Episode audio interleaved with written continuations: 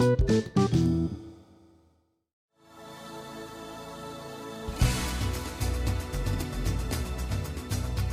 saja sih Pak panduan bagi merchandiser dalam membeli barang? Seorang merchandiser hendaknya memiliki sikap proaktif, bukannya pasif. Untuk menjadi merchandiser yang proaktif, berikut ini adalah panduan sederhana bagi merchandiser dalam proses pengadaan barang.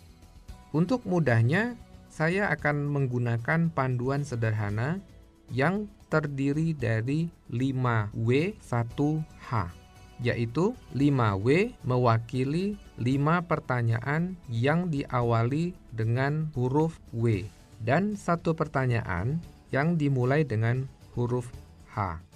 W yang pertama adalah what, apa.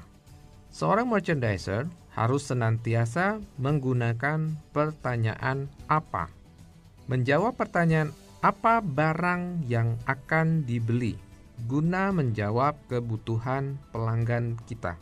Pertanyaan ini juga bisa digunakan dan dikembangkan secara kreatif dalam menjawab hal-hal yang lain, seperti apa yang harus dilakukan agar nantinya barang ini bisa terjual dengan lebih baik di toko kita upaya-upaya apa yang masih harus dilakukan.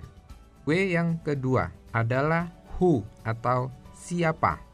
Pertanyaan ini digunakan oleh merchandiser untuk menjawab pertanyaan siapa yang akan membeli barang tersebut, siapakah target pasar toko kita, apakah kelas bawah, kelas menengah, atau kelas atas.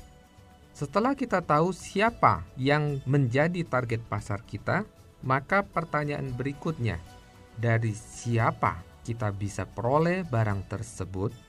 Siapa pemasoknya? W yang ketiga adalah when atau kapan.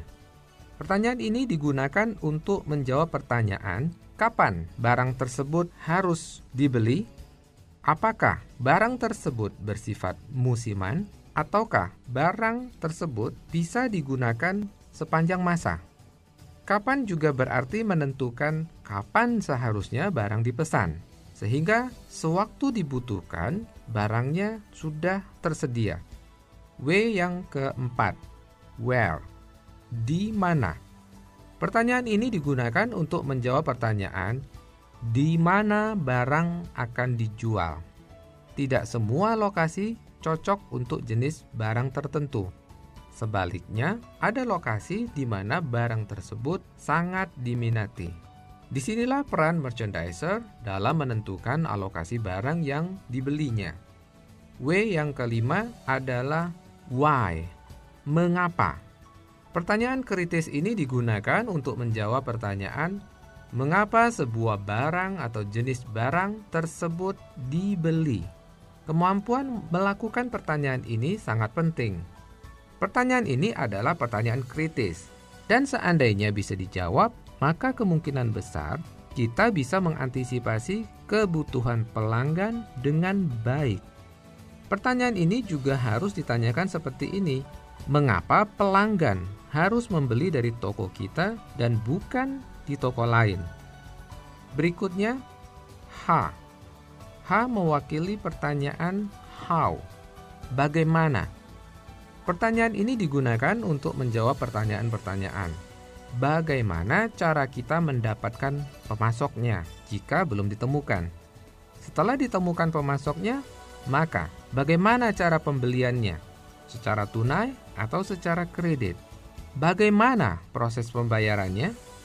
Pertanyaan how dalam bahasa Inggris juga bisa dipakai dalam pertanyaan How many? Berapa banyak jumlah barang yang harus dibeli? How much? Berapa harga yang pantas untuk barang tersebut pada saat proses negosiasi berlangsung?